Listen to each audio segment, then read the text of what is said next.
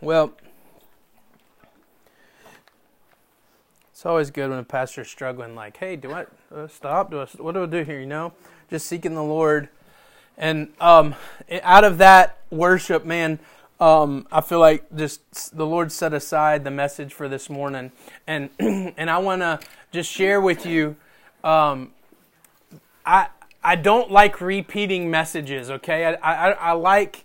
Uh, there was even a season. Some of you might think this is crazy. There was even a season where um, I would I would preach and literally delete the file and tear up the pieces of paper. Like like I didn't want to. I want the freshness of the Lord to be on me.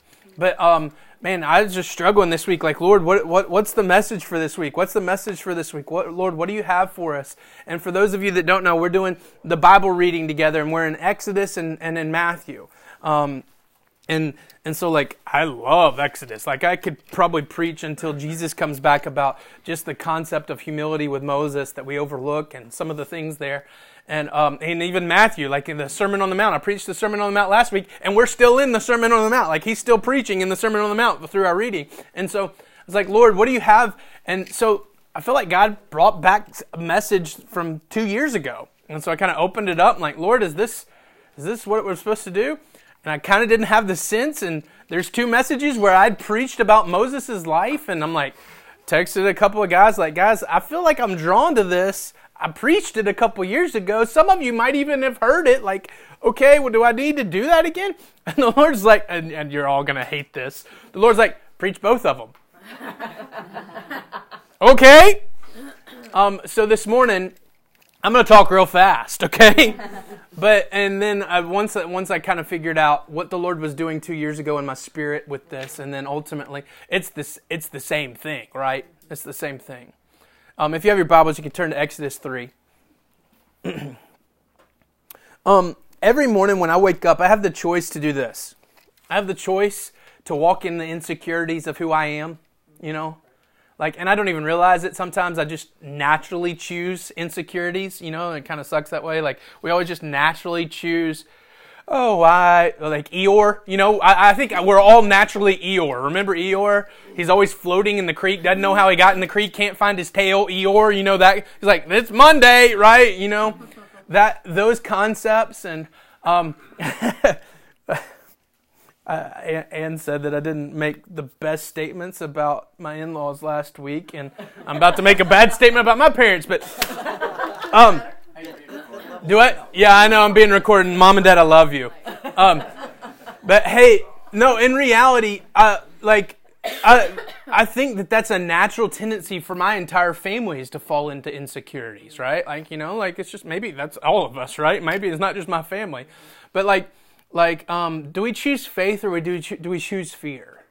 And man, my goodness, fear is always the one that I choose, right? Like, um, as I've shared with you before, for the longest time, I thought the boogeyman lived in my closet. And to this day, no one has ever found a boogeyman, right? Right? Like it's never, there's nothing, like it doesn't happen. And the reality is, those insecurities are always based in assumption. And they're always the worst case scenario. Exodus chapter 3.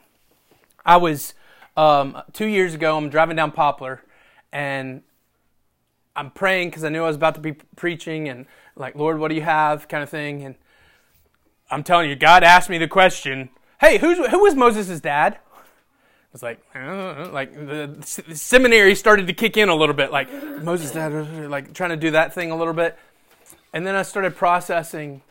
We don't really know Moses' dad.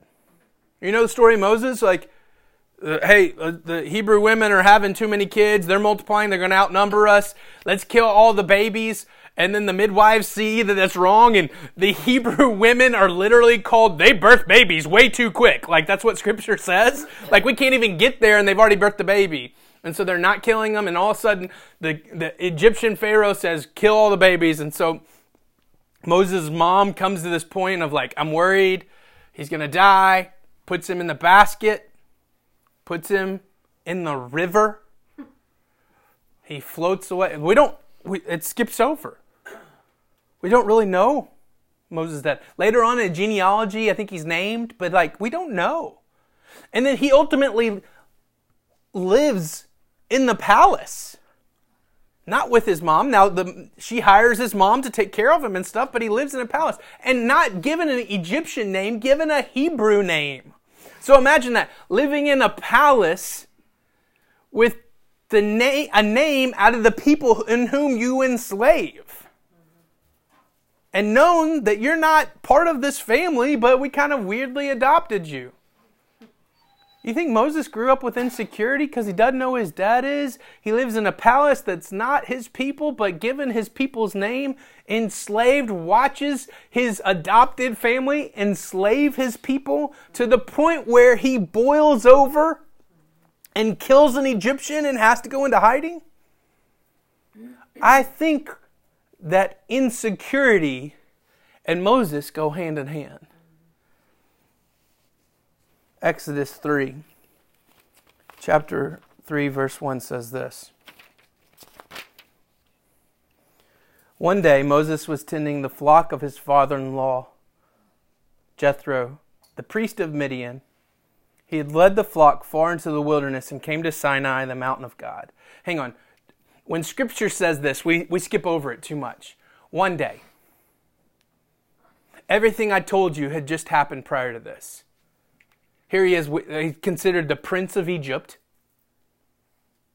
enslaving his own people, now murderer, doesn't really know his family, adopted into this weird king, given a weird Hebrew name, and flees to Midian, okay? Root word. Middle, or Midian the middle of nowhere. And then the Bible says he went further into the wilderness. So he, I, I, like to say it this way he's on the backside of the middle of nowhere. The middle of his life, too. What are those thoughts when he gets alone? Think about it. The thoughts of insecurity reign so much. It sounds like one day after one day after one day. It sounds like monotony, doesn't it? When monotony takes place, what do I assume? I assume what tomorrow's going to look like. Tomorrow's Monday. I know what tomorrow's going to really play out like. Now we've got President's Day tomorrow, but like it might be a little bit different. I can I can kind of assume, but when I live a life of faith, I don't know what's going to happen in the next 30 seconds because my God is so big. Look, I've said, I shared this with some guys last week. I had someone who discipled Ed and I when we were at our previous church. She used to say, "Do you do you like witchcraft?" No, no. Well, have you ever assumed anything? Yeah, of course. When I assume things, I'm trying to take myself and put it and look and see things what I would interpret from God's perspective, and then ultimately try to predict the future in assumption of what's going to take place. And fortune telling and trying to predict the future we consider as witchcraft. Yes. Like, oh, hey, now I better not assume. but watch. When monotony takes place, I get calloused and assume that this is all there is. Oh, to have the Holy Spirit so vibrant inside of me, such like an all consuming fire that it illuminates my spirit on a day in and day out basis. So here's Moses walking in insecurities on the backside of his father in law's property in the middle of nowhere, abandoned baby, doesn't know his family Hebrew name inside the palace, murderer, one day. After one day. After one day. Anybody been there? Maybe there right now? The monotony just takes over and calluses our spirit. But let's look at it from a different perspective. What if it turns to, but one day? What if it turns to, hey, I didn't know Jesus, but one day. Hey, today, today, I'm, I'm 29 years in the faith today. Today. I've been I've known Jesus for 29 years as of today. I remember as an 8-year-old kid, yeah, you can do the math now. As an 8-year-old kid, I I I came to the point where I knew, just knew the depths of my 8-year-old sin, right? And the separation from the good God that he is, and then that Jesus bridged that gap and going, "Okay, yes, I'm all in."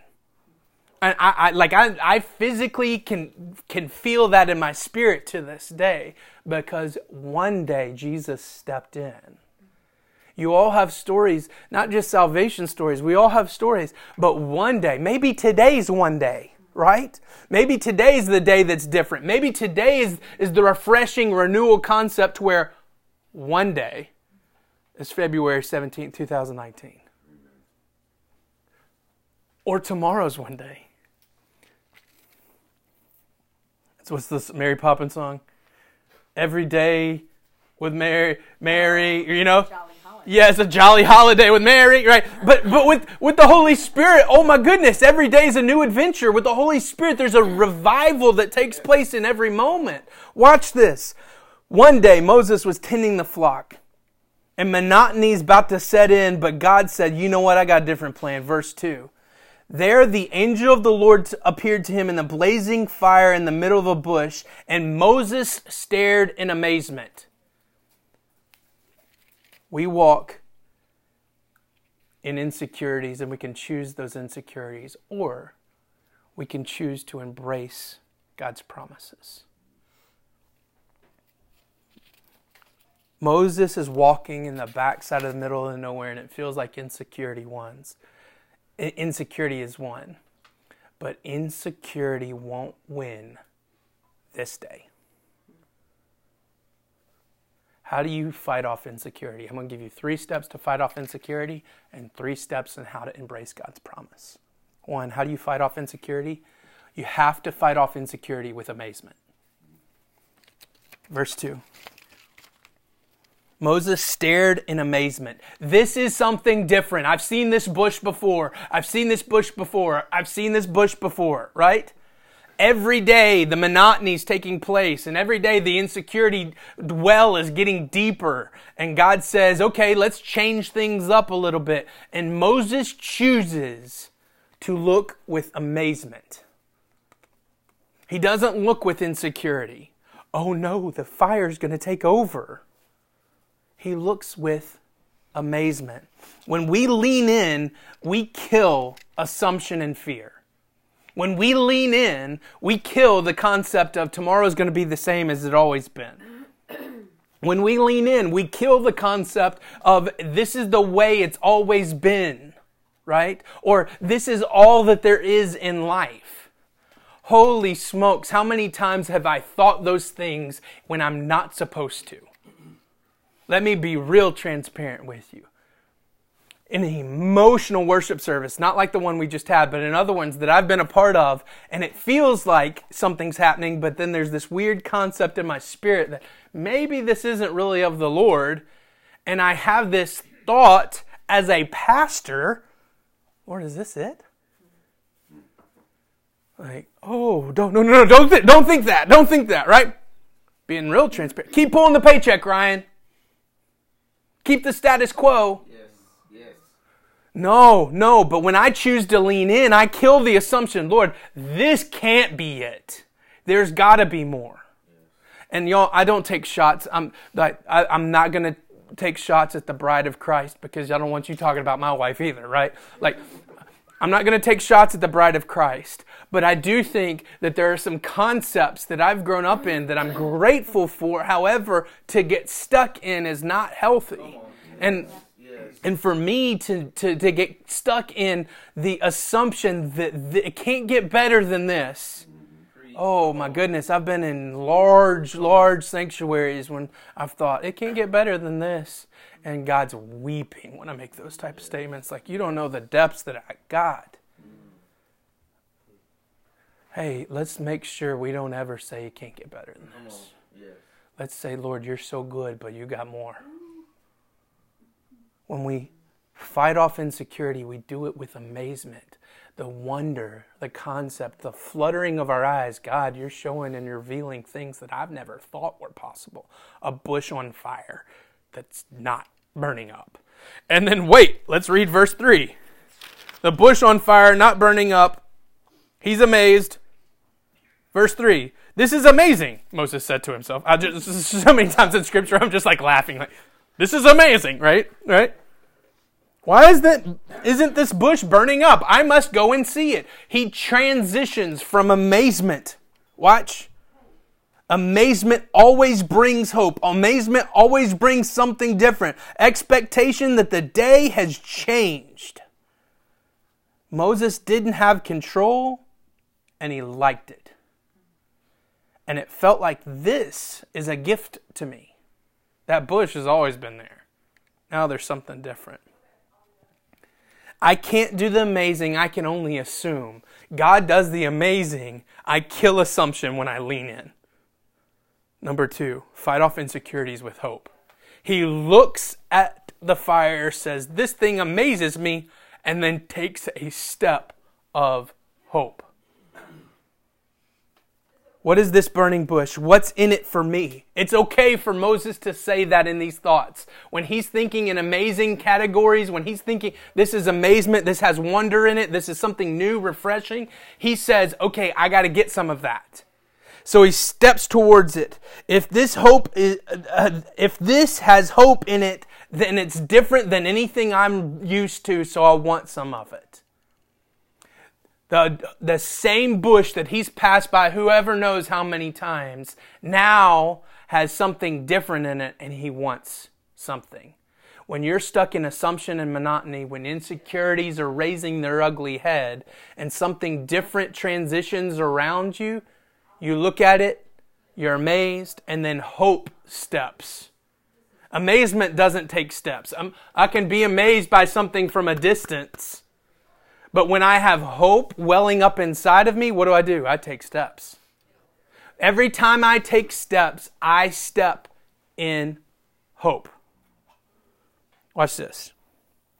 All fear inside the author of assumption is me. Inside the author of assumption, I author fear and assumption deep in my spirit. That's what I bring to the table. But watch. All hope is based inside the author of amazement. All hope comes from the King of Kings and the Lord of Lords. Moses' response wasn't to become a man we know him as. He was intrigued, but because that decision, he became the man that we know him to be. Because of his steps of hope, we're talking about him today. I love this. I looked across the room, 16, 17 years old, and I'd seen Anne a long time. But there was something new and amazing about Anne when I looked across the room one day, right? Like, hold up. Every step I took was a step of hope, right? Every step I took, hopefully she's going to come through with this, right? And it was a different step of hope. This hope had some swagger to it, right? I got game. I started playing the game. Watch. Watch. If I sit back and go, eh, out of my league, I'm out, right? I assume that she's not going to say yes. I assume that she's going to shut me down. I assume all these things and walk in fear versus walking in hope. Fear steps away, hope steps towards. Amen. So, watch. How do I kill insecurity? I look across with amazement. And look, watch this. I love this. Think about it in that silly context. Insecurity looks at myself, amazement looks at something else. Lies and fears look inward, hope looks outward. I strutted across the room. How you doing, you know? Like I strutted across the room. I started preaching this message, you know? Watch this. God does the amazing. He lights bushes on fire not to leave us where we are. I've struggled with this. This is one of these concepts I like to ask these questions because as a pastor, I feel my job is to get you to wrestle with things. Yeah. Are God's hands tied in any capacity? No. Let me say this. Anne's laughing because I asked her this question. A good father is screaming with his hands tied with free will because he's given us the choice and we keep making bad decisions and he's screaming, I want to fix it, I want to fix it, I want to fix it. And instead of thumping Moses going, You've got now, you, you're the buff dude that can walk in and throw down with Pharaoh. You know what he does? He lights a bush on fire. You got to see it that God, in His sovereignty, is still going to make His will take place. But there's moments where I can do things, say things, and act with things. What was Moses trying to do? Bring retribution to his people. What did God do through Moses? Well, now Moses killed a guy. God killed all the firstborns. Reading it right now with the plague. But watch this. When I submit and live life surrendered and kill insecurities, God wasn't just working for the masses amounts of people. He was working for the individual men just like Moses. That's the reason why it took 40 years to step into the promised land because there were that many people with that many insecurities that had to hear from a good God before they could step into the promised land. Fight off insecurity with amazement. You fight off insecurity with hope. Oh, and I love this one. Fight off insecurities with his presence. Yes. Come on. Verse 11 of chapter 3. But Moses protested. See, God says, God calls Moses, uh, I skipped over verse 4, that when the Lord saw Moses coming closer, he called to him from the middle of the bush and said, Moses, Moses. So now, amazement of a burning bush, now to a talking bush that knows my name. You think God is trying to get his attention, or do you think God is trying to evaporate all the insecurities? God can get my attention with things. Wake up last night with crazy lightning. Like you see, there's some weird lightning taking place last night. Crazy lightning. Okay, Lord, what do you need? You know, kind of thing. Versus a burning bush that's really not burning in the middle of nowhere, calling my name. This wasn't for anybody else. It was for an intimate interaction. So, verse 11 God says, Hey, you're going to go and set my people free. And Moses protested to God. Who am I to appear before Pharaoh? Who am I to lead the people of Israel out of Egypt? God answered, Oh, family, don't miss it. I will be with you. And this is your sign that I am the one who sent you. When you have brought the people out of Egypt, you will worship God on this very mountain. Moses had kicked his shoes off because he says it's holy ground. But in the glow of a burning bush, there are no shadows of insecurities. Who am I before Pharaoh? Who am I before your people? I ask that question a lot. Like, God, who, I'm an idiot, Lord. You know what I'm thinking, right? Sorry about that, you know? But in reality, what God's doing is saying, it's not about what's on the inside with you. I'm doing a new work that's going to change the inside and the outside of everybody. He says, Not your name, my name. I will be with you. I will be with you. You're not coming on behalf of the nation of Israel. That's how we would write the script a son of Israel who has prominence in Pharaoh's Egyptian palace changes everything. That's how we would write it, and that's how Moses going, but God, I killed a dude. I can't do this. And God says, uh uh-uh. uh. i am choosing you to go with my name.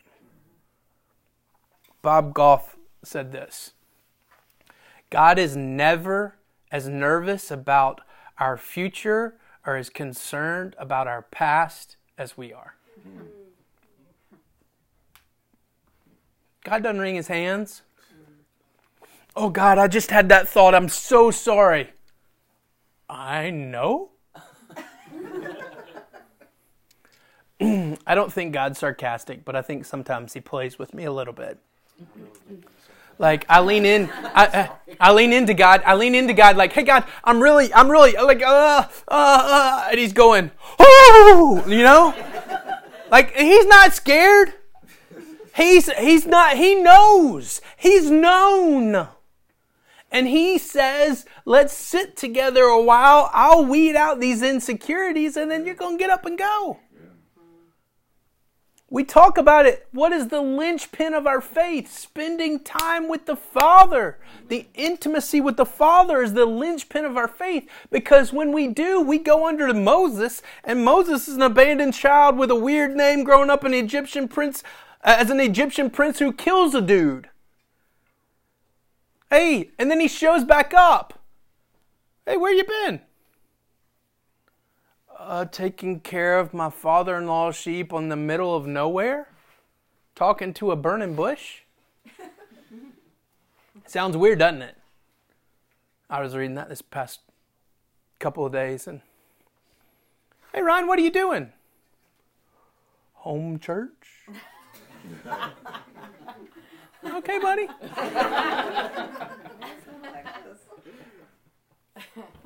But watch, if Moses walks up, hey, no, I come to you on behalf of Yahweh. And that's what he does. Yes. Hey, Ryan, what are you doing? Man, I'm just following Jesus. It's not my reputation, it's his. I've said it this way before. If it messes up, it's egg on his face, not mine. Now, he's got a good track record. We fight off insecurities with amazement, with hope, and with His presence. But I love this. But God always takes our insecurities and turns them into areas of authority. When God gives you a new area of authority, He's given you a new promise. Moses going, uh, I don't know about this. I can't do this.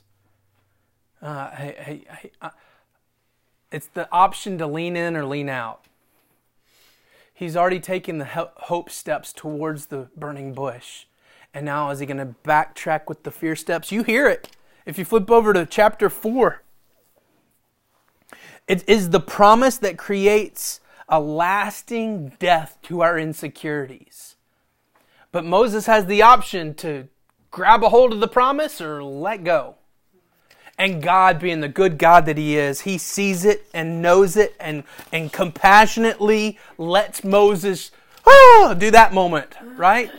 He compassionately lets Moses freak out for a moment, but then, chapter 4, verse 1. But Moses protested again. Anybody have that interaction with the Lord before? Hey, I really need you to. Nah, God, I can't. No, hang on. Uh, and I know that I talk about my story too much just because I don't want to throw somebody else's story in the middle, but Ryan, it's really time to step away from what you've known. Real transparent. But God, what about the kids? Ryan, it, it, it's it's really time and I've shared with you, many of you, oh, it's time to start a new church. Great, Lord, I've got all these things that I've been researching most of my life. I don't need that. Okay. the protesting and protesting, the Father in a gracious concept, just as letting the insecurities get out. Mm-hmm.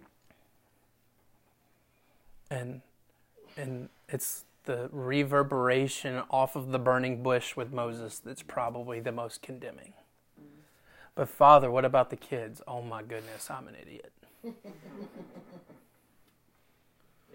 but but Father, what about all these things that I've done? Mm. Oh my goodness, I'm an idiot. Moses protested again. What if they won't believe me or listen to me? What if they say, The Lord never appeared to you? Let's fast forward. Anybody say that to him? Mm-hmm. Nope.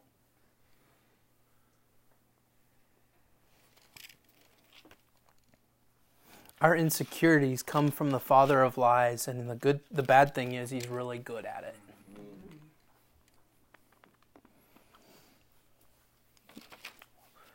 Verse 1 Lord, if they never if the Lord never appeared to you, and the Lord asked him, What's that in your hand?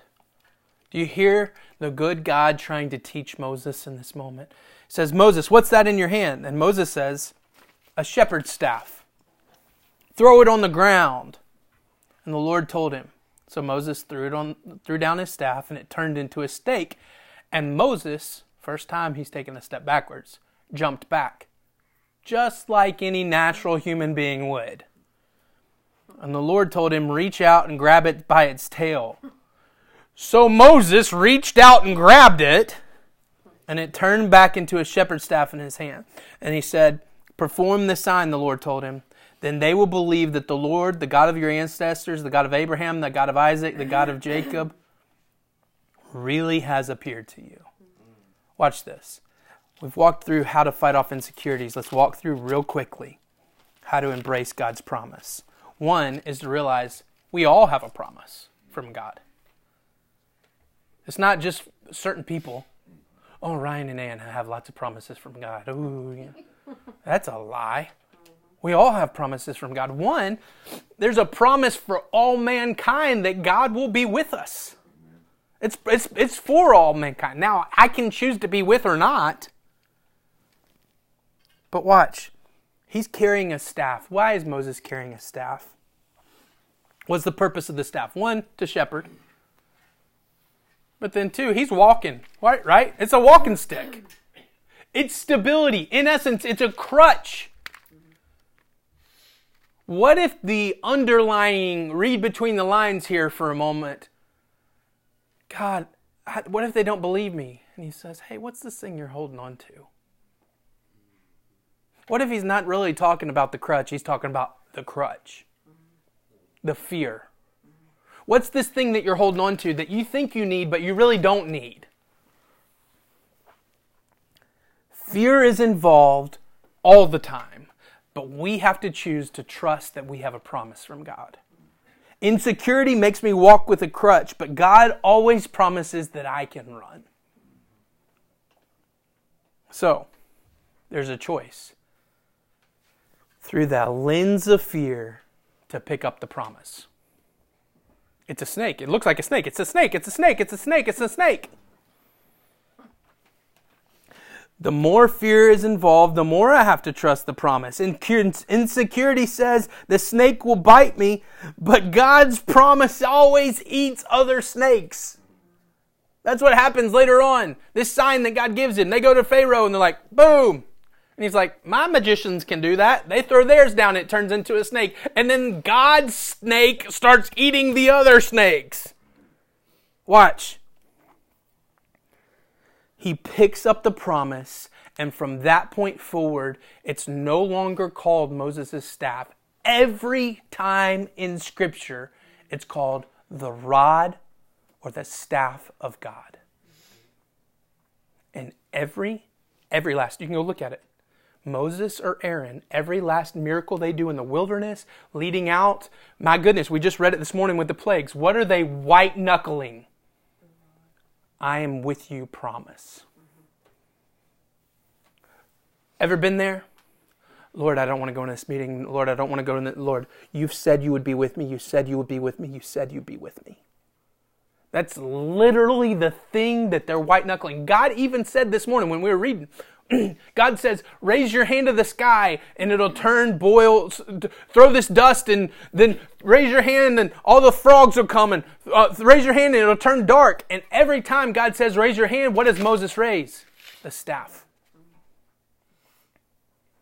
God didn't say raise the staff, but he still honored it. Why? Because Moses is clinging to the promise that God said he'd be with me. God said he'd be with me. I'm going to look like an idiot if I point to the sun and nothing happens. My goodness, we're going to read it in the next couple of days. looks at the sea, goes and says, You're going to walk on dry ground, and then nothing happens, right? Think about the faith that it takes to hold on to that promise. The very insecurity that we thought we had as a crutch, God turns into the promise. I can't. And God says, I know you can't, but I can. The insecurity that says, I can't, is a reality, but when I submit to the Father, He goes, I can. We all have a promise from God. Number two, God's power is only in the promise. I'm talking crazy power, forming planets power. Look at this crazy power. Verse 6, I'm almost done chapter 4, verse 6. Then the Lord said to Moses, Put your hand inside the cloak, in your cloak. And Moses put his hand inside the cloak, and when he took it out again, his hand was as white as snow with severe skin disease. Now put it back into your cloak. And so the Lord said, and Moses put his hand back in, and when he took it out again, it was healthy as the rest of his body. The Lord said to Moses, If you do not believe, you and and are not convinced by the first miracle sign, they will believe and be convinced by the second sign. And if they do not believe or listen to you after these two signs, then take some water from the Nile and pour it on dry ground. And when you do, the water from the Nile will turn to blood on the ground. Look at what God's doing with symbolically with these two things. His hand and water to blood. God's saying, to the well, I can make them sick, and to the sick, I can make them well. He's saying, the God that can make things bad and the God that make things good is the one that's with you. He's filling Moses with faith. This is an odd miracle. But God is showing both Moses and Pharaoh that his power isn't limited. Hey, Pharaoh, you better watch out because I can make you sick. But Moses understand that no matter what happens, I can make you well. The, then these next two things, the water into blood, we have to have water, we have to have blood. right? Can't live without it. God's saying, not only can I make you sick or well, but these two dependent life resources, things that you have, I can flip them to where then you don't have anything whatsoever. Water turns to blood, thus can't be drunk. Pharaoh, and if you go and read through the plagues, Pharaoh thinks he's God. You ever wondered why there's this ongoing thing and God doesn't just do one plague to begin with and fix it all? Ultimately, what God's doing is destroying the kingdom of Pharaoh in his mind. Every last aspect that God plagues is something that Pharaoh claims that he's got over. First being blood. This was a cultural phenomenon that pharaohs would drink blood from their ancestors. And God's saying, it's not supposed to be this way. So much so that the one thing that you do need, I'm going to take from you and turn it to blood. Moses has boxed God in, saying, Hey, this is a big deal. And God's going, This ain't nothing. What God's saying is, I control all life. When God melts away our insecurities, He isn't just displaying His power, He's displaying His promise. power without the promise is just a trick, it's just an illusion just a magic tr- trick. But when God says, I'm with you, that's where real power comes from. Watch this. Last point to embrace God's promise. We must understand in God's promise and power is where we find purpose. What's insecurity tell us? Insecurity says worthless, no, no power, no promise, nothing. And God says, nope, here's purpose, here's purpose. Moses protests again. Last few verses. Moses protests again, pleaded with the Lord, Lord, I'm not very good with words. I've never been so. And now, and, and I'm not now, even though you have spoken to me, I get tongue tied and the words get tangled. Then Moses asked, then the Lord asked Moses, who makes a person's mouth? Who decides whether people speak or do not speak, hear or do not hear, see or do not see? Is it not the Lord? Now go.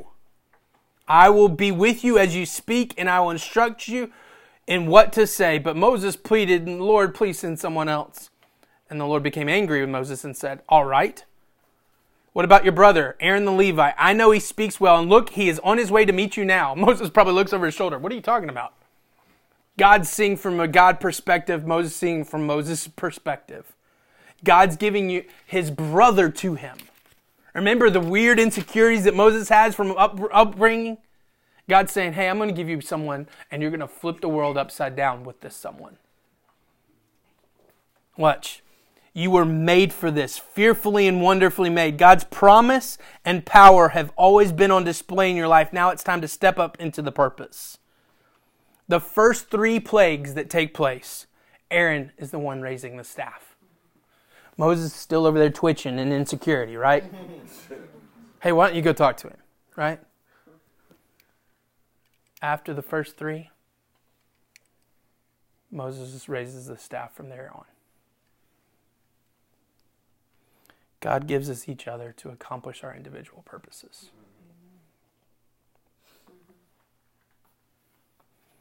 I'm married, my confidence giver.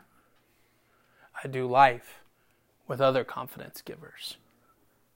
Moses turns away broad shouldered with purpose, power, and clinging to God's promise.